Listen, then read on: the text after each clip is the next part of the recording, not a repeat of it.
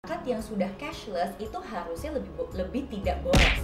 harusnya Harusnya. tapi kalau aku malah jadi Jadi boros ya? boros ya mbak nggak kerasa gitu apa scan scan gitu Kita tuangkan dengan konsep uh, living, Hmm. saving, living saving playing.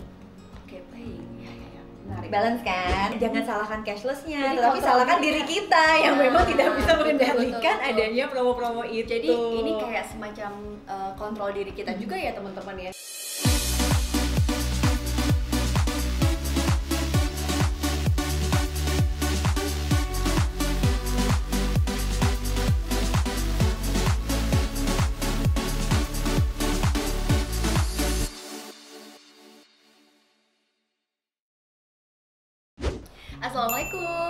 teman-teman, apa kabar nih? Senang banget ya ketemu lagi di Analisa Channel Dan kali ini di item menganalisa ada sesuatu yang beda Apa nih yang beda? Karena biasa kita menganalisa tentang kehidupan Kali ini adalah terkait sih sama kehidupan dan gak akan lepas dari hidup kita Menganalisa uang, seru kan? Dan di sebelah saya udah ada dokter uang yang sangat cantik Siapa lagi sih yang gak kenal Mbak Prita Gosi? Halo, assalamualaikum. Waalaikumsalam. Ini Mbak Prita luar biasa Mbak. Auranya orang kalau konsultasi tentang uang ngeliat Mbak Prita makin happy dong. Mudah-mudahan ya, Begini konsultannya ya.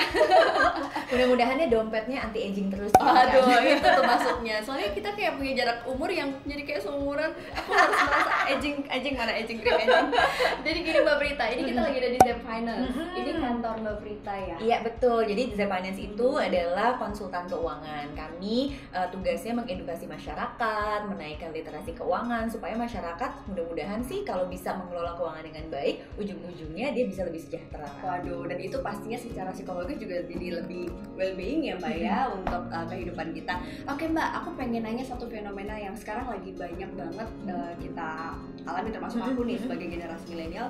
Aku tuh lagi suka banget belanja tanpa bawa dompet. Mm-mm. Jadi kayak banyak daripada bawa ketinggalan dompet mendingan daripada ketinggalan handphone mendingan ketinggalan dompet gitu. Mm-mm. Itu gimana sih Mbak fenomena cashless ini ketika kita belanja sesuatu tanpa uang itu kenapa dan apa ini dari kacamata seorang Prita Gosi? Nah, jadi sebetulnya kita flashback dulu ke sejarahnya ya. Kenapa sih di Indonesia itu kok kayaknya beberapa tahun terakhir itu mulai banyak sekali transaksi yang sifatnya tidak menggunakan uang tunai yang berbentuk kertas atau logam. Nah, sebetulnya kira-kira tahun 2013 atau 2014 itu pemerintah melalui Bank Indonesia mulai punya eh, program kampanye yang namanya gerakan non tunai. Ya, kenapa sih sebetulnya di- didorong untuk punya gerakan non tunai? Karena sebetulnya uang kertas atau uang logam itu mahal, Mbak Oke. ya jadi baik. ngomongin bahwa biaya yang ditanggung oleh pemerintah untuk bisa eh, memaintain, memelihara uang tunai tersebut yang beredar di masyarakat tuh mahal. Itu salah Betul, satu yang diinginkan. Betul sekali. Jadi pemerintah menginginkan mulai shifting ke generasi non tunai. Kemudian pasti di balik itu juga banyak eh, alasan-alasan lain yang membuat masyarakat ternyata akan lebih positif kalau kita berubah menjadi masyarakat yang cashless. Jadi cashless society katanya gitu. Tapi sebenarnya itu gimana sih kalau dari eh, pengelolaan keuangan? Baik nggak sih kita lebih baik kita pegang uang? Nah, sebetulnya kalau mau ngomongin itu kembali lagi kan ke pribadi masing-masing. Tetapi secara umum harusnya eh, masyarakat yang sudah cashless itu harusnya lebih lebih tidak boros. Harusnya. Harusnya. Tapi kalau aku malah jadi Jadi boros ya? Boros ya Mbak, nggak kerasa gitu. Apa scan scan gitu? Nah, Mbak Ana mungkin mesti mesti mikirnya gini. Kalau Mbak Ana datang ke ATM, Ya. itu kebanyakan ATM itu menyediakan eh, uang tunai itu pecahannya berapa? Hmm, 50 ribu dan seratus ribu. ya. Oke, sekarang can you imagine bisa nggak dibayangin bahwa kita pergi nih ke suatu minimarket, kita belanja 35 ribu, kemudian kita bayar dengan uang 100 ribu. Biasanya kembaliannya ke mana? Cemplungin aja di tas gitu. Sebelum di tas kadang-kadang hilang terus tiba-tiba ah nggak ada Iya, iya, gitu benar, kan. Nah sebetulnya yang seperti itu kan frekuensinya lumayan banyak. Sedangkan kalau kita pakai cashless itu kita hanya mengeluarkan uang sejumlah dengan apa yang kita belanjakan. Baik. Jadi dari kacamata itu sebetulnya harusnya kita lebih hemat. harusnya ya. Atau Harusnya. jangan-jangan gara-gara ada promo di semua uh, fintech fintech yang beredar itu ya mbak cashless jadi kita kayak oh ada diskon nih beli ini jadi beli beli beli gitu. Mungkin ya. Nah, jadi kan gini Mbak Ana, jangan salahkan cashlessnya, Jadi kontrol salahkan diri kita yang Nah, memang tidak bisa mengendalikan betul, betul. adanya promo-promo itu. jadi ini kayak semacam uh, kontrol diri kita juga ya teman-teman ya. Nggak nggak bisa disalahin si teknologi ini. Justru malah sebenarnya kalau dari kacamata uh, mbak Berita sendiri Hmm. itu malah banyak manfaatnya. Harusnya banyak manfaatnya. Jadi kan ini ibarat kalau anak kecil nih, kemudian dia lari tiba-tiba dia ketabrak eh, meja. Kemudian orang tua misalnya bilang, "Oh, mejanya nakal." Lah, yang salah kan anaknya yang nabrak gitu Oke, kan. teman-teman ini penemuan baru nih fakta terbaru kalau sebenarnya cashless itu justru bikin kita lebih terkontrol dalam pengeluaran keuangan. Yes. Nah supaya terkontrol ada semacam kayak teknik nggak sih atau tips atau apa pun itu dari seorang mbak Berita? Pasti. Jadi untuk um, millennials nih yang saat ini mungkin lagi struggling dalam merencanakan keuangannya dan lain-lain, aku biasanya pakai metode yang lebih sederhana. Jadi metode sederhana ini kalau budgetingnya itu istilahnya konsep balance budget. Apa sih Balance balance? budget. Yes. menarik. Jadi balance itu artinya antara kebutuhan dan keinginan tuh harus balance. Oke, Hmm. kita tuangkan dengan konsep uh, living, Hmm. saving, Living, saving, playing. oke playing. Menarik. Balance kan? Boleh dikasih tahu itu mbak Yes. prosentasenya? Nah, Nah, langsung ini belajar dia ya. Jadi living itu adalah semua pengeluaran yang sifatnya biaya hidup rutin, kewajiban-kewajiban kita. Jadi kalau teman-teman udah kadung ambil pinjaman dan lain-lain kan semua masuk ke situ. Cicilan tuh, Betul. KPR, Mm-mm. SPP anak. Yes, kan. Kemudian em, kalau yang masih kos atau masih kontrak itu semua Oke, masuknya ke situ. baik. Nah, itu kira-kira jumlahnya itu setengah dari penghasilan kita. setengah jadi 50% ya teman-teman ya Hmm, Oke. betul living betul berikutnya adalah saving saving. Saving ini sebetulnya kita gabungin aja semuanya. Jadi dana darurat kemudian nabung misalnya mbak Ana aku kepengen deh mbak Prita tas yang ini tapi ini agak lebih mahal Oh, nih aja, Mbak, gitu nabung tas. nah oke boleh. Jadi itu tapi nabung ya. Jadi Ya, ya, ya. artinya kita nabung untuk membeli suatu barang yang kita inginkan. Hmm. Ya mungkin sih butuh juga tapi kita juga pingin Ya. gitu which is boleh banget. Nah itu harus nunda dulu. Jadi harus ah, bersabar kita kumpulin uangnya dulu itu namanya nabung. Yap. sedangkan kalau investasi itu mbak Ana agak beda konsepnya. Investasi itu adalah eh, proses mempersiapkan supaya di masa depan kita bisa membeli berbagai hal yang sama dengan yang kita peroleh sekarang Oke. contoh anak masih kecil nanti kan kuliah harus tetap bisa kuliah ya harus diinvestasikan itu masuk dalam uh, saving tadi saving ya. tadi. Nah, karena banyak juga komponennya, maka kira-kira alokasinya 30% dari gaji. 30% dari gaji oke Ya. baik. Nah, yang terakhir adalah playing nih. Hmm, nah ini penting nih biar lebih semangat kerjanya ya. Pasti kan namanya eh, aku juga waktu itu pernah bikin survei nih di Z Mhm. Finance itu eh, kita lempar nih ke teman-teman followers kita.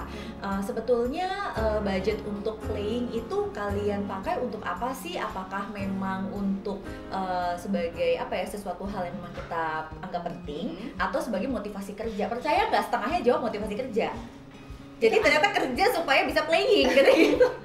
antara deny defense ya supaya bisa liburan atau emang beneran motivasi entahlah ya mbak ya ini tapi yang unik nih penting fenomena. yang penting ternyata kerjanya jadi lebih semangat. betul positifnya itu jadi bagus sekali kan. Betul, betul. Nah ternyata pada saat kita bicara account untuk playing, nah playing ini kan segala hal yang kita sukai nih. Misal jajan di tempat yang lebih mewah, Hmm. terus biasa beli kerudung yang biasa-biasa aja, ini mungkin kerudungnya yang lebih uh, hits atau Ya. lebih bagus lah gitu. Atau Ini misalnya ya, make upnya kan make up tuh sehari-hari, tapi ah juga pengen ah make up yang Ada lebih branded branded dikit. dikit gitu. Nah itu kira-kira jumlahnya 20% dari 20%. penghasilan kita.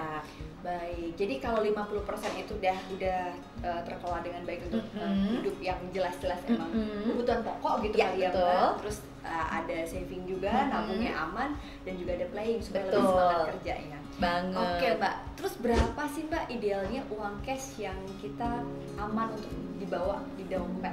Nah, gini, kalau bicara uang cash yang memang tetap harus ada, itu artinya dana darurat kita kalau kita tidak bisa pakai dompet-dompet cashless tadi.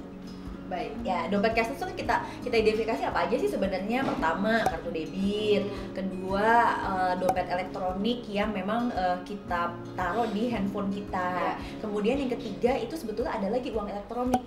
Uang itu eh, kartu-kartu dari bank yang kalau di tap tap itu ya jadi sebenarnya ada tiga jenisnya Baik, jadi Nah. bukan cuma fintech doang gitu ya, Iya. tapi yang cashless tuh kita tanpa sadari ya uh, kartu-kartu yang ada di dompet kita Iya itu kan juga kita nggak pegang uang tunainya Betul. kan, bener banget. Nah kemudian uh, kita kan harus sadar ya, oke kalau sehari-hari kita itu biasanya apa sih yang memang mungkin tidak bisa dibayarkan dengan ketiga alat tersebut.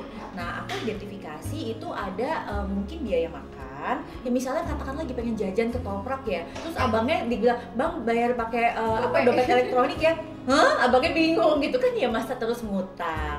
Jadilah kita kan harus bayar dengan cash. Nah, selain itu adalah uang transport. Ya. Jadi misalnya kita naik uh, angkutan umum atau misalnya kalau di Jogja masih ada beca gitu, abangnya terpening gitu kan. Jadi- Bang bayar pakai ini. Hah, Nanti abangnya bang bingung. ini ada kartu bang mau digesek di mana neng gitu ya iya, Juga ya. dia kan bingung. Jadi akhir artinya minimal buat makan dan transport Oke. tuh harus kita prepare. Nah itu mungkin kira-kira kalau di Jakarta tuh sekitar 100 ribu.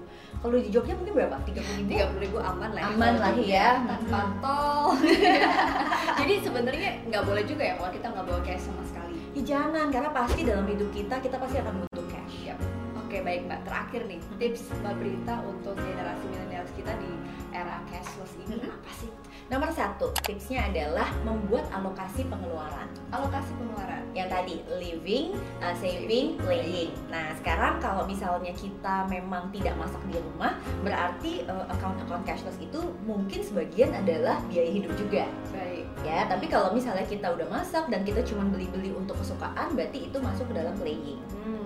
Oke, Baik. Jadi tips yang kedua yaitu harus dibajetin di awal. Harus dibajetin di awal bulan. Hmm, di awal bulan. Jadi misalnya aku punya budget nih 500 ribu untuk aku taruh di semua dompet elektronik yang aku punya. Maka kita eh, kira-kira nih, oke Ki, kira-kira kalau tiap bulan yang paling banyak kita pakai yang mana sih? Mhm. Misalnya yang ini untuk online shopping, yang ini misalnya untuk jajan makanan dan lain-lain. Nah, itu kita ambil lalu kita eh, transfer ke saldo itu. Nah, kalau misalnya saldonya udah nipis, kita nggak boleh nambah lagi Hmm, jadi disiplin ya mbak. harus disiplin kembali lagi kan itu kan dari sisi psikologi kan juga ya harus punya Manajemen diri iya manajemen gitu diri ya. nah Oke. tips yang ketiga adalah menghadapi promonya Aduh itu paling nggak kuat iman hamba mbak. nah sekarang kan kalau bicara promo eh, mbak Ana ada dua Hmm. yaitu promo cashback dan promo tukar poin biasanya gitu ya betul, betul. nah kalau misalnya ditanya lebih menarik kan cashback kenapa lebih kerasa cepet Rasa gitu gitu kan kan. Jadi diskonnya langsung Yes, gitu. masalahnya kalau kita pakai selisih uangnya itu untuk uh, bulan depannya itu baru jadi uh, diskon yang cakep. Tapi yang bahaya itu adalah wah ada cashback nih jajan lagi ah. Nah itu yang bahaya sebetulnya. Oke, baik baik. Tadi ya Mbak harus ada pos-pos yang sudah dianggarkan Betul. budgeting. Terus yang kedua harus ada Alokasi di alokasi di awal. awal budgeting. Mhm. Terus yang ketiga kontrol diri tadi. Yes, untuk promo-promonya. Promo-promo itu emang susah banget. Jadi jangan salahkan promonya, salahkan diri kita. Betul. Jadi sangat terkait banget ya teman-teman antara keuangan keuangan dan juga manajemen diri kita secara psikologis. Nah, Mbak Prita, aku pengen nih teman-teman juga mulai melek Mm. dengan pentingnya mengelola keuangan dari Iya. usia muda. Kira-kira apa sih yang harus teman-teman lakuin? The Finance sering kan kayak ngelakuin follow-follow eh, kayak poin tuh kayak banyak banget edukasi yang penting banget untuk teman-teman generasi milenial sekarang. Yes, jadi yang pasti adalah generasi milenial nggak boleh males untuk mencari uh, informasi dan edukasi untuk dirinya masing-masing. Oke. Nah caranya bisa follow uh, akun Instagram aku di @pritagozi. Oke, Prita Gozi jangan lupa ya, aku juga suka kepoin dan langsung, langsung sadar abis itu merasa bersalah membeli sesuatu. Terus Kemudian bisa follow juga Instagramnya @zfinance. Baik, Jangan lupa Zfinance. juga websitenya di www.zfinance.co.id. Kenapa harus follow itu? Karena semua tips dan artikel, blog dan lain-lain itu kita uh, pull semuanya di website kita. Mantap banget Mbak Gitu. Prita. Thank you banget Mbak Prita. Semoga ini bisa jadi satu tips yang um, bermanfaat ya buat teman-teman di rumah dan kalau kamu pengen items ini akan terus ada, pasti penasaran dong Pela- pelajaran tentang pengelolaan keuangan ini akan selalu ada di Menganalisa. Kamu bisa komen, jangan lupa subscribe dan juga follow IG aku Analisa Widyaningrum dan juga Mbak Prita buat kira-kira requestnya apa sih? Yes. Thank you Mbak Prita ya. Thank you, Sukses Mbak Ana. selalu. Assalamualaikum teman-teman. Dah.